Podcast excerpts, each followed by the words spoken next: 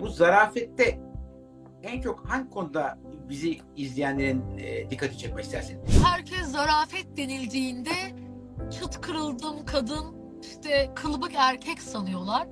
Ama aslında alakası bile yok. Eski ismiyle adab-ı muaşeret, protokol eski ismiyle teşrifat eğitimlerini kendi İngiltere ve Fransa elçiliklerini koyarak bizden öğreniyor. Osmanlı'dan öğreniyor. Hmm. Biz her zaman bir e, konuşuyoruz. Ancak konuşmak iletişim değildir. Konuştuğunu karşıya iletebilmen, karşıdaki de sana geri dönüş yapabiliyorsa biz buna iletişim diyoruz. Yoksa herkes konuşuyor. Gayet iyi gözüküyorsun Ayça. Teşekkür Evet. ederim. Evet, evet, çok teşekkür ederim. Ben böyle 5'te falan normalde e, akşamüstü uykusuna yatarım ama senin için kalktım programa katıldım. Teşekkürler. Çok yoğun bir hafta. Ee, hocam üstadımdır Taner Öz- Özdeş Ya, bu sağ ol. arada. Hani e, izleyen arkadaşlar için söylüyorum. Hani yayın yapacağız dedi. Yani her şekilde her yerde olsak, yani Uludağ'da olsam karın içinden katılırdım. Harikasın. Dedim, yayınım var hemen yayına Evet, güzel. gerekiyor. Şu an. Güzel bir yayın yapacağız. Ayça ben senin e, şu iki kitabını göstereyim. İkisi de birbirinden güzel. Bir kere kimse şu fotoğrafçın kesin tanışmak isterim. Müthiş müthiş bir fotoğrafçı. Çok güzel çekiyor ya. İnanılmaz. Bu Ayça'nın e, ilk kitabı Zarafet. Zarafet değil Zarafet. E, bunu konuşmuştuk. YouTube kanalında var bunun e, kaydı. Ve en son kitabı Konuş Benimle. O da harika. Tabii hızlı hızlı bir şekilde yayına yetişmek için okudum ama gerçekten çok güzel toparlamış her şeyi. Yani iki, iki kitaptan da konuşacağız değil mi Ayşe? Evet evet. Evet. Sen çok kısa sen bir kendini tanıştır. Çünkü çok güzel bir kariyer yapmışsın. Esasında bir Aydın Koru gibi tabii bir e, doğayan bir abin de var. Çok şanslısın tabii. Değil mi? O, öyle bir abinin olması çok büyük şans herhalde. Canım abi o da yayına girecek zaten izlemek için. Evet, Ee, evet. saat 5, beş buçukta çıkıyor eğitimden, Bana- özel eğitiminden. Ha, şey, gibi bana bir- şey dedi. Artık dedi e, benim de dedi bir kitap yazma zamanı geldi. Ayşe öne geçti dedi. Yani evet ben bir kitap yazdım ama abimin desteği çok önemli. Yani o kitap üç kere falan revize oldu. Heh. Abi böyle yapalım şunu yapalım ya burada aklım yetmiyor. Çünkü kendisi çok güçlü bir yazar ve eğitmen sizin gibi. Öyle olunca böyle bir sürü desteğine esiri iyi ki var ya abi önemli bir Nefis, e, şey. nefis. Bence çok güzel. Ben e, yine bir yayın, onunla da bir yayın yapacağız. E, çok e, orijinal fikirler olan çok iyi bir araştırmacı. E, Ayşe sen çok kısa bir kariyerinden bahsedelim. Sonra da sorularla başlayalım. Senin biliyorsun hemşire gibi böyle enteresan başlangıcın var değil mi? Hemşireymişsin. Evet. Gerçek değil mi hemşireliğin? Evet evet gerçek. Çok güzel hemşire olur tabii. Harika. Yani şöyle e, ailem benim an- aile anne tarafı sağlıkçı, baba tarafı asker. E, ben küçüklüğümden beri yani ben 7 yaşındayken evde gizli gizli enjektörleri çalıp hani bebeklere iğne bir de o zamanlar şey hatırlarsın hocam demir iğneler vardı hani Oo, kaynatılıyor doğru. ki. O- Onları falan yürüdüm. Bebeklerimin bütün kalçaları, kolları delik deşikti. Sonra Kesiyordum, biçiyordum, organ çıkartıyordum. Aa dedim bunun için boş. O zaman hemen işte mesela brokoliyi e, çok iyi hatırlıyorum. Böyle sert brokoli değil, lahana, beyaz lahanayı e, organ olarak sokardım. Brokoliyi organ olarak, çileği kalp yapardım. hani babylerle böyle organlar falan çok yatkındım. E, annem, şimdi abim benim kolej mezunu. Dedi ki bana seni dedi koleje yollayacağız Ayşe. Yok dedi ben kolej istemiyorum dedim. Benim dedim e, meslek lisesi istiyorum. Ben hemşirelik okumak istiyorum dedim. Ben hemşirelik okudum. Daha sonra onun yükseğini yaptım. Ama meslek lisesi çıkışlıyım ve iyi ki de meslek lisesi çıkışlıyım. Çünkü ben e, 4 yıl meslek lisesi, 4 yıl üniversite, 8 yıl sağlık eğitimi almış bir insanım. Wow. Ve benim dönemimdeki e, meslek liseleri kusursuzdu. Yani çok iyi bir eğitimdi. Şimdiki meslek liseleri ben konuşuyorum. Öyle eskisi gibi bir şey yok. E, ne derler ona? İyi bir eğitim olmadığını yok. ama biz muhteşem eğitimler yani benim girmediğim ameliyat yoktur. Yapmadığım e, ameliyat yani e, hemşireliği de yoktur. Çok çok memnunum sağlıkta. Ancak hayat 2009 senesinde İstanbul'a tayin olmamla bir şekilde beni medya sektörüne itti. Ben medya sektöründe e, bir Türkiye Güzellik Yarışması'nda derece aldıktan sonra NTV beni bünyesine aldı sunucu olarak. E, TRT'den eğitim aldırttı. e, şu an izleyen hocam e, gördüm. Enver Seyitoğlu gibi çok saygın TRT1 spikerlerini eğiten Gülgün Feyman, Enver Seyitoğlu gibi e, değerli hocalardan etkili konuşma diksiyon eğitimleri alarak NTV'de ve Show TV'de çalışmaya başladım. İşte Show TV, NTV, Beyaz TV, TV8, Wow. e, başka hangi kanallarda küçük kanallarımız da vardı. Kanal T e, gibi gibi internet haber e, Hadi Özışık'ın kanalı falan gibi böyle biz çok televizyon kanalında sunucu olarak yer aldım. Sonra TV8 var. Şu TV8 kitaptan. var. TV8 de var. var. Evet evet. Artık hatırlayamıyoruz aradan yıllar geçince. E, onun dışında bir oyunculuk o yaşlarda tabii 20 yaşındasınız. E, bunu yapmışken medya sektörü çünkü sunucu değildir yani. Sunucu, oyuncu ve model olarak üçü bir sanatçı olarak geçer. E, nabza göre şerbet hangi şeye uygunsan devam edersin. Ama bunu yaparken şey dedim hani ben ekran önünden daha çok bunu eğiten olmam gerekiyor diye bir medya okulu açtım 2009 senesinde. Ve mesela şimdi Nusret girdi yayına öğrencilerimden. Ee, öğrenci yetiştirmeye başladım. Oyuncu olmak isteyen, manken olmak isteyen, sunucu olmak isteyen diye. Biraz ekranı arka plana bırakıp ki ortalama 4 tane sinema filmi, 11 tane dizi film ve 70'e yakında reklam filminde oynadım o dönemde. Ve bunların hepsi ana karakter. Öyle asla böyle minik karakterler değil. Ee, öğrencilerimi yetiştirmeye çalışırken abim dedi ki akademi yapalım. Şimdi New York'a gittim. New York'ta imaj ve iletişim üzerine bir eğitim aldım. Daha sonra İskoçya'da zarafet üzerine eğitim aldım. Ee, sonra üniversite olarak e, sağlık yönetimini bitirdim. Marka ve iletişim bitirdim. Ee, moda ve teknoloji bitirdim. Şimdi de psikoloji yüksek lisans için e, hayatıma devam Müthiş. ediyorum. Ama yüksek lisans hocam çok zormuş. Hiç hayal ettiğim gibi değilmiş. Sınavı bile çok zor yüksek lisansı. Abimler psikolojide yüksek lisans çok güzel başardılar. Ben de küçük kız kardeş olarak, şımarık olarak dedim ki ben de yüksek lisans yapayım. Öyle olmuyormuş o. E, bakalım belki bir 10 yıla mezun olurum yüksek lisanstan diye Evet şu an tabii dünyada biliyorsun özellikle Türk dizileri çok popüler. Yani e, dünyada Türk dizileri herhalde ilk beşte vardır diye düşünüyorum. Bu kararları verirken yani dizi oyunculuk da çok cazip. Sunuculuk da bence özellikle şimdi görüyorsun Hı. işte YouTube'da artık işte Fatih Altaylı bırakıyor televizyonu e, veya işte e, birçok ünlü e, sunucu, spiker hepsi kendi kanallarını açıyor. Yani öyle bir dünya varken sen eğitimci olarak kalmayı tercih ettin. Aslında bu e, nasıl bir karar sence? Yani bu bunun arkasında bir başka bir amaç var herhalde değil mi bunun arkasında? Bir... Böyle ben eğitimci bir ailenin evladıyım. Annem benim hemşire, baş hemşire oluyor. Sonra diyor ki benim öğretmen olmam gerekiyor ve hemşireleri yetiştiren bir öğretmen Hmm. oluyor. Benim babam asker, havacı. Ee, ama daha sonra diyor ki benim eğitmem gerekiyor diyor. Eğitim bölümüne geçiyor. Abim de akademisyen zaten. Ee, ben ekran önünde oyunculuk tabii ki yaptım. Çok da mutluyum. Çok da zevk alarak yapıyordum. Hatta en son e, 6 ay önce Kasaba Doktoru, TRT1 Kasaba Doktoru'nda ana karakterdim. Dizimiz yayından kalktı. Klasik reyting kurbanı. Ee, ancak mesela şimdi çok güzel teklifler geliyor ama şimdi dizi sektörü ekranda gözüktüğü kadar basit bir sektör değil. Uyuyamıyorsun. Parası çok yüksek, evet. Ama parayı harcayamıyorsun. Ee, ve bir hayal dünyasına hizmet ediyorsun. Bir oyun sergiliyorsun.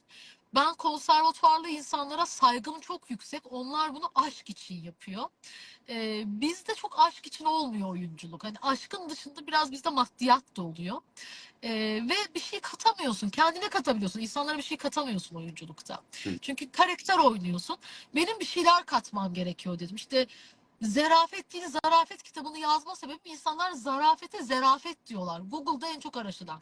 Kadın erkeğe erkek kadına nasıl davranacağını bilmiyor. Türkiye yozlaşıyor. Muhteşem bir layık ülke olarak biz yozlaşıyoruz. Mahvoluyoruz. E ben abimin bir lafı vardır. Ben hiç para kazanmayayım ama ben insanlara dokunayım. Para kazanmış gibi oluyorum diyor. Bizim insanlara dokunmamız gerekiyor. Yani ben, sen, abim, X eğitimcisi olmazsa e, Araplaşacağız. Çok daha kötü durumlara düşeceğiz. Belki kadın hakları ortadan kalkacak. Ya yeri gelecek erkek hakları bile olmayacak. Yani bunun önüne geçebilmek için elimizden geldiğince uğraşıyoruz. Süper. Onun için de- Buradan kitabına geçelim. Zarafet kitabına. Şimdi geçeyim. Esasında Ben konumuz susmam tabii hocam iletişim. bana. Girmezseniz susmam ben. Biliyorum. Ar- Ara sıra seni böleceğim. Ee, Tamam. bu zarafet de e, tabii sorum şu esasında. Burada ne eğitim yani eğitimin yani ne tür bir eğitim veriyorsun ve Türkiye'de tabii biz her şeyi doğuştan bildiğimizi yani do- doğuştan iyi konuşmacı olduğumuzu, doğuştan iyi bir iletişimci olduğumuzu, doğuştan iyi bir dinleyici olduğumuzu, yani her konuda doğal hepimiz kendimizin iyi olduğunu düşünüyoruz.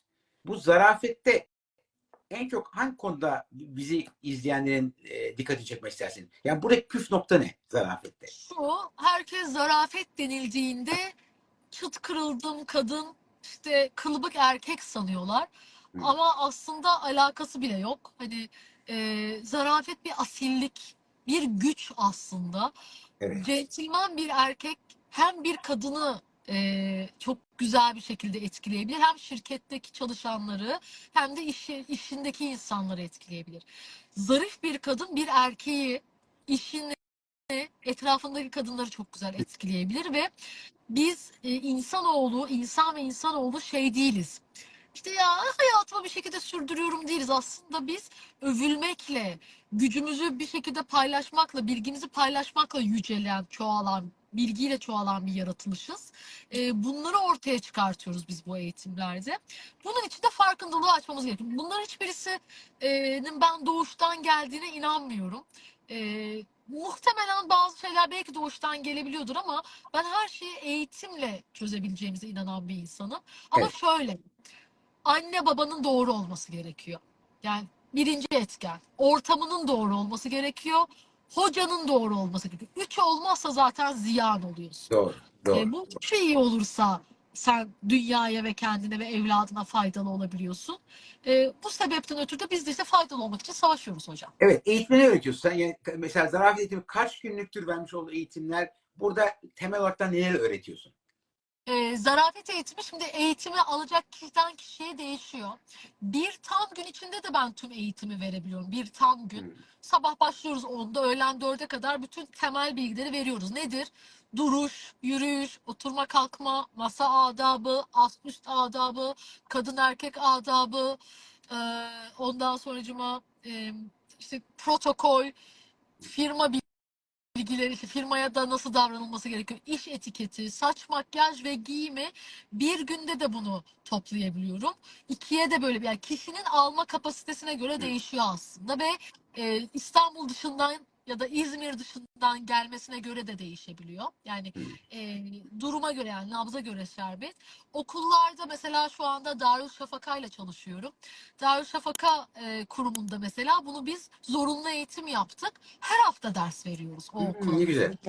Ee, Doğa Koleji ile çalışıyorum. Ayda bir veriyoruz oraya seminer şeklinde. TED Koleji ile çalışıyorum. Ee, haftada iki veriyoruz. Yani okulların bütçesine ve öğrenci kitlesine göre de değişiyor. Evet. Ya da ben seminer açıyorum. Ee, bir günde veriyorum bunu. Ya da online eğitimim var Boğaziçi e, eğitimleri. Boğaziçi'nde 8 derste veriyoruz bunu. Yani duruma göre kişinin şeyine göre Evet. değişiyor. Bir de kitap Ne-. Netflix'te Crown dizisi var. Kraliçenin. Biliyorsun Kraliçenin hayatı var. Netflix'te biliyorum seyretme şansın oldu mu? Diana'nın hayatı mı? Elizabeth'in hayatı mı? E, e, evet. Hani, yani evet, evet. Yani e, kraliçenin hayatı. Orada mesela İngiltere'de bu kraliyet ailesi tamamen protokolle. Her şey protokolle diyorsun yani. Ve mesela çok hoşuma gidiyor. Hatta çoğu zaman sanıyorum e, İngiliz halkı da orayı çok maliyetli olmasına rağmen korumaya çalışıyor. Çünkü o zarafet bence İngiltere'ye yansıdığı için ülke olaraktan da onun gururunu taşıyorlar. Yani oradan gel mesela zarafet ben en çok orada görüyorum. O kadar çok protokol var ki ve o kadar güzel ki her şey. Film gibi sanki. Yani normal hayatlarında bile film gibi. Hareketleri, davranışları, birbirine karşı e, görgüleri, e, hal ve tavırları çok hoş. Yani e, bu nereden çıkıyor? Bu zarafetin e, kökeni neresi? Yani nereden geliyor bunun eğitim? İngiltere ve Fransa sanar. Ama aslında İngiltere ve Fransa değildir. 17. yüzyılda Osmanlı'ya İngiltere ve Fransa elçiliklerini koyuyor. Hmm. Elçiliklerinden bizde saray adabı, eski ismiyle adab-ı muaşeret, protokol eski ismiyle teşrifat eğitimlerini kendi İngiltere ve Fransa elçiliklerini koyarak bizden öğreniyor. Osmanlı'dan öğreniyor. Hmm. Ee, ve saray kültürü, kadın davranışı, ondan sonra işte astüs davranışı, koku, misk, amber değeri. Mesela parfüm dediğimde eğitimlerinde bana herkes şu kelimeyi söyler. Le parfüm Fransa'dan çıkmıştır. Hayır. Alakası bile yok.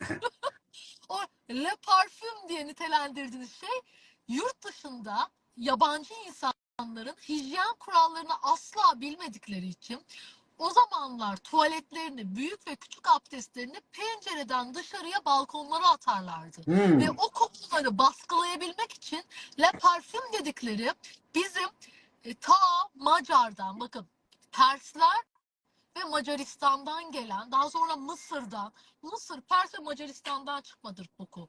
Misk ve amberlerin içine alkol ekleyerek mikroplar ölsün diye parfümü ortaya çıkartıyorlar. Ama bizim Osmanlı'mızda hatta Süleyman vardı ya hocam Muhteşem Yüzyıl. Bakın şuralara sürüyorlardı miskleri. Nereye amber- sürülür parfüm? Parfüm en çok nereye sürülmeli? Koku kalsın. Bir, nabız yerlerimiz. Bir, Tamam. iki, yine ense amigdala bölgemiz. Üç, yeterli oluyor. Ha pardon burası var eklem yerimiz. Dört. Dört Hı. nokta. Onun dışında daha kokunuz şeyse, misk ise rolon şeklinde böyle El Habibi dediğimiz e, Arap şeyleri vardır ya böyle haçta umur eden Hı. böyle rolon şeklinde. Saçınızın şu noktasına sürün.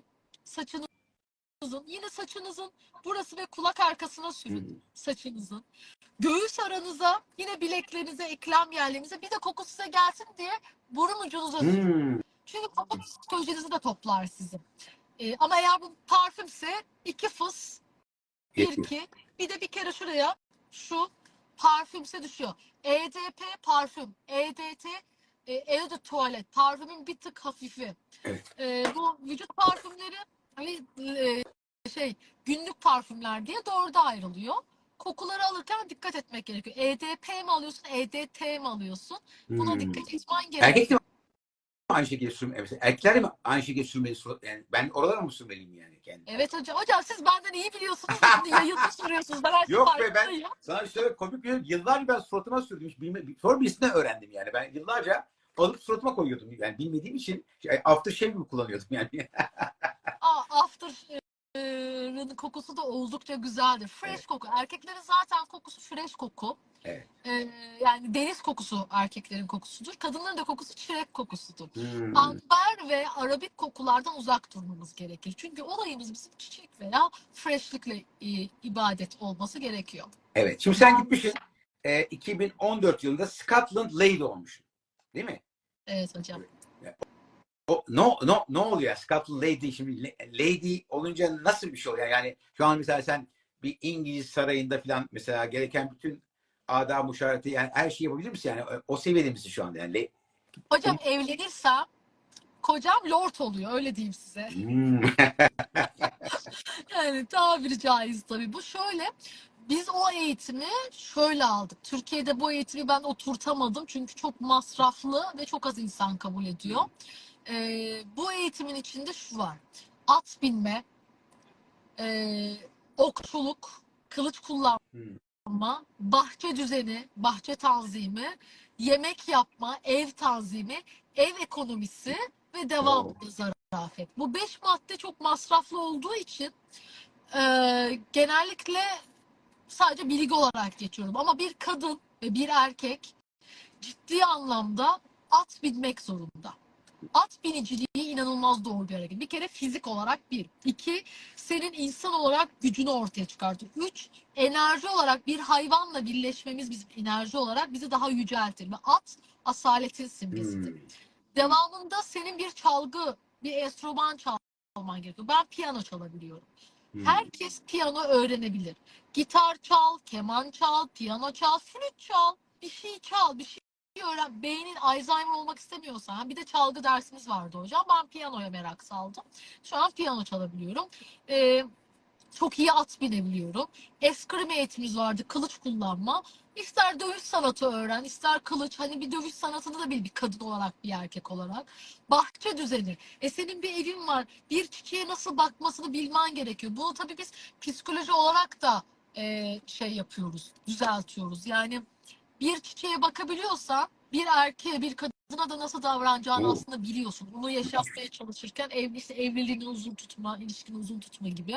İşte yemek yapmayı öğretiyorlar. Erkek de öğreniyor, kadın da öğreniyor. Hani Müthiş, müthiş. aslında Asya ülkelerinin geishalık sistemi, e, Avrupa ülkelerinin zarafet, a- e, sistemi diye geçer. Hmm. E, onun dışında da şey değildir ama Arap ülkelerinin kadınsal simgesi değildir bu. Hani vur ensesine al lokmasına. Kadın yemek yapacak, kadın temizlik yapacak değil. Kadın erkek ev yemeğini bilecek, Hı. temizliği bilecek şekilde eğitimler aldık. Buradan yeni kitabına geliyorum. Konuş Benimle kitabına. Ee, bu bölümde bir iletişim, konuşma, sunum onları konuşalım. E, etkili iletişim nedir? E, e, buradaki önemli unsurlar nedir? Öyle başlayalım. Ondan sonra yavaş yavaş diğer konular sunum teknikleri falan e, konuşma, heyecan yatıştırma gibi birçok şeyler geleceğim ama ilk başta iletişime girelim esasında. Tabii. iletişim altında neler var? Ne konuda kişi uzmanlaşmalı? Etki, iletişim dediğimiz üç faktörden oluşuyor. Alıcı, siz şu an alıcısınız hocam mesela ben konuşurken. Verici ve mesaj. Konuştuğum şey. Evet, Bu üçlüyü doğru ortamda verebilmeye iletişim diyoruz. evet, evet. Etkili iletişim olabilmesi için ne önemli? Mesela bir, ortam, sessizlik. Mesela Evet. gürültüde etkili iletişim sağlayamazsın. İki, face to face, yüz yüze konuşman gerekiyor etkili Doğru. olabilmek için. Üç, ses tonun, beden dilin, vurgun, diyafram nefesini kullanman, saçın, makyajın, küpen, giydiğin kıyafetin, her şeyini kavradığında, etki oluşturduğunda ortaya etkili iletişim çıkıyor. Evet. Biz her zaman bir e, konuşuyoruz. Ancak konuşmak iletişim değildir. Konuştuğunu karşıya iletebilmen, karşıdaki de sana geri dönüş yapabiliyorsa biz buna iletişim diyoruz. Yoksa herkes konuşuyor. Boş konuşuyoruz deriz ya. Herkes konuşuyor hocam. Önemli olan karşılıklı konuşabilmek, iletişimi sağlayabilmek. Bunu etkili hale getirebilmek için de uyumu sağlamak işte biz buna etkili iletişim deriz. Kitabın ismini de Konuş Benimle, Talk to Me. En çok satılan Amerika kitabı Talk to Me'den esinlenerek yaptım. Hatta Ha, ee, bunun şeyi e, Marvel karakterlerinde bir e, caps yapıldı. Look at me şeklinde bir caps yapıldı. Çok da tutuldu o. Hani bana bak, sadece gözlerime bak şeklinde. Biz de onu Talk to me'den alarak konuş benimle. Çünkü insanların yazarla konuşmaya ihtiyacı var. Herkes yazıyor. Okumaya ihtiyaçları yok mu benim kitabımın? Benim kitabımla konuşmaya ihtiyaçları var. Bu Hı. kitapta aslında bildiğiniz kanka gibi benim bütün yaşadığım dertler, tasalarımı da okuyorlar. Başıma gelen felaketleri de okuyorlar. Kitabı okuduktan sonra bana Instagram'dan ulaşabiliyorlar çok rahat bir şekilde. Kitabı bitirdiklerinde direkt Ayça hocam ne haber diye yazdıklarında benim 90 110 bin takipçim var. Ortalama günde 70'e yakın mesaj geliyor ve hepsi cevaplanıyor hocam. hmm, çok güzel. Şimdi burada beden dili, mesela sen çok güzel kullanıyorsun. Beden dili, jest mimikler. Bu konularda ne önerirsin? Yani bu konularda şöyle biraz hani amacım tabii program kısa olduğu için hap hap e, e, şey yapmak, e, formüller vermek veya egzersizler vermek. Yani beden dilinde şu anda en temel kavramı ne, nedir önemli olan beden dilinde? Nereye dikkat etmeliyiz? Beden dilinde iki tane üst- üstad var. Birisi sizsiniz, diğeri abim. Özellikle satış pazarlamada biliyorsunuz hocam, siz çok iyi biliyorsunuz. Siz öğrettiniz zaten bize. Ee, beden dili ve etkili iletişim çok önemli. Ee, ne yapılması gerekiyor? En önemli şeylerden birisi yüzden başlayıp bir dudak tembelliğinizi ortadan kaybetmeniz gerekiyor. Ee, hemen ben yönlendirme yapıyorum. YouTube'a Ayça Kuru dudak tembelliği yazdığınızda bir egzersiz Hı. yükledim. İzleyin onu geçin. İndim aşağıya gövde, diyafram egzersizi. Nefesinizi çok güzel kullanmanız gerekiyor. Bunun için de yine diyafram egzersizi Ayça Kuru yazdığınızda YouTube'a yönlendiriyorum yine. Bir video izleyeceksiniz. O da işe yarayacak. Üçüncüsü uzuvlar. El kolu kullanmayı bilmeniz gerekiyor. Bu Hı. el kol kullanılması Evet. gerekiyor. Ama şey değil. Şu değil. Yerinde sakin sakin. Hemen devamında jest ve mimikler. Bu gülümseme, dişler, tebessüm bunları kullanmanız gerekiyor. Ee, bunların hepsini harmanladığınızda doğru bir beden dili ortaya çıkıyor. Peki buna nasıl yani kişi bunları tek tek öğrenebilir de bunları bir araya getirirken pratik yapmak gerekiyor değil mi esasında? Yani bu konuda kişi yeterli seviyede olduğunu nasıl farkına varabilir? Yeterli? Hocam- Hangi seviyede olduğunu? beden dili kitabı ve beden dili videosu izlemek zorunda. Hatta siyasetçilerin beden dili yazsınlar YouTube'a ve siyasetçinin beden dilini analiz etsinler. Biz doğuştan beden dili analistiyiz. Ama neyin ne olduğunu bilmeden anal- analiz ediyoruz. Evet. Hani diyoruz ya ay etkileş elektrik alamadım bu adamdan, bu kadından. Evet. İşte "Ay, bir Nedir şey o? var ama çözemiyorum. Ya şeytan tüyü var bunda. Aman lanet gelsin. Ya o onun beden dilinden ve imajından etkilenmediğin ya da etkilendiğin için işte bunu çözebilmen gerekiyor. Hmm. Ama çoğu insan beden dili tabii yaparken o- otomatik yapıyor. Yani bilinçaltı yaptığı için Bilinçaltı evet. farkında olmadan yapıyor. Mesela çok gülümse mesela benim en çok eğitimlerde bahsettiğim şey gülümseyin diyorum mesela. Gülümse diyorum. ı ı ı ses çıkıyor. Yani şayet hiç gülümsemenin ne olduğunu bilmediği için Evet. e, böyle sesler çıkıyorlar bana. Yani gülümsemek mesela çok az yapılan bir şey. Çünkü küçükken özellikle erkek çocuklarına ciddi ol, gülümseme gibi baskı, baskıyla biliyoruz çoğumuz. Bu güzel gülümseme mesela sen de mesela Gamze'lerin var, şeyin var. Hep güleçsin mesela. Bu gülüm, bu gülümseyen e, surada sahip olmak için var mı Tabii. egzersiz? Yani kişinin sürekli O Ne size yapabilir? söylediğim dudak tembelliği egzersizi sizin gülmenizi sağlayan bir egzersiz. Zorunlu gülmenizi sağlayan bir egzersiz. Hmm, bir tane yapar mısın örnek mesela örnek bir tane? Hocam kaleme ihtiyacım var yapabilmem için. Aa kalem ne? Ha. Kal- sen bir de Benim yok ama sen bir de surat fırçam var. e, sen bir de surat yogası yapıyorsun. Yüz surat yogası. Yüz yogası. Evet. Pardon. Yüre, yüz yogası. Mesela kalem gibi bir şey alayım. Mesela allık fırçamı alayım diyorum. Ağzınıza bir kadının her zaman çantasında olması gereken önemli bir aksesuardır bu. Bunu ağzınıza doğru yerleştiriyorsunuz şu şekilde. Evet. Ve zor bir şekilde sesli harfleri söylemeye çalışıyorsunuz. A, E, I, I, O, Ö, U, Ü. Aldım. Hı. A, E, I, I, O, Ö, U, Ö. Burada dudağım zorlanıyor, dişim zorlanıyor. Buralar kasılıyor ve bunu sürekli yaptığınızda şu dudak kenarım farkındaysanız benim tam 90. Aşağıda değil. Çoğu insanın dudakları böyledir. Aa Aa, hocam enter- nasılsınız? İyiyim. Bu dudak tembelliği bu işte. Bunu yenebilmek için de kalem egzersizi yapmak Yani sen gerekiyor. yani dudakların böyle sen o egzersizle mi kalk, kalkıyor? Yoksa Ve yüz yogası. Yani ben gerçekten bugün çok sevdiğim bir arkadaşımla işte Arzu diye bir kız arkadaşımla beraberdim. Ee, şey diyorum hani yüz yogası, dudak tembelliği işte yüze yapılabilecek doğru makinelerle işte hareketler bunlar çok önemli. Çünkü yer çekimiyle yüzümüz aşağıya sarkıyor. Kırışık dediğimiz şey evet yüzümüzdeki kolajenin azal- azalmasından kaynaklı. Ee, bir şey daha azalıyordu unuttum şu anda. Onların azalmasından kaynaklı evet yüzümüz kırışıyor ama yüz sarkması yer çekiminden. Yani yer çekimine maruz kalıyor. O yüzden bu bulldog köpeği olayı vardır. Bu dudağın aşağı düş. Çok mutsuz insanın, çok mutsuz insanın suratı budur. Bu. doğru. Doğru. Ben mesela Ve- yüzümü yüzüm için iki hafta üç hafta bir gidiyorum. Yani yüz yogası gibi yok yaptır, hocam. Sizde yaptır- yok. Yaptırtıyorum çok iyi, mesela. çok yukarıda Ya- yüzünüz. Tabii ki yani Altı- 18 yaşında olamayacağız ama hani bir yukarı olacak yani o yüz. Evet. Bende yok mesela estetik. Nefret ediyorum bu cümleyi kullanmaktan ama hani mesela yok estetik. Ee, çok güzel yüz egzersizleri yapıyorum. Yüz yogasını çok seviyorum. Ve onun devamında da işte bu yüzü yukarı alan cilt bakımını yaptırıyorum ağırlıklı. Ve işe yarıyor yani yaptırsın da. Bakım önemli. Ka- erkek de gider. Erkek Şimdi de bu- bakım yapar.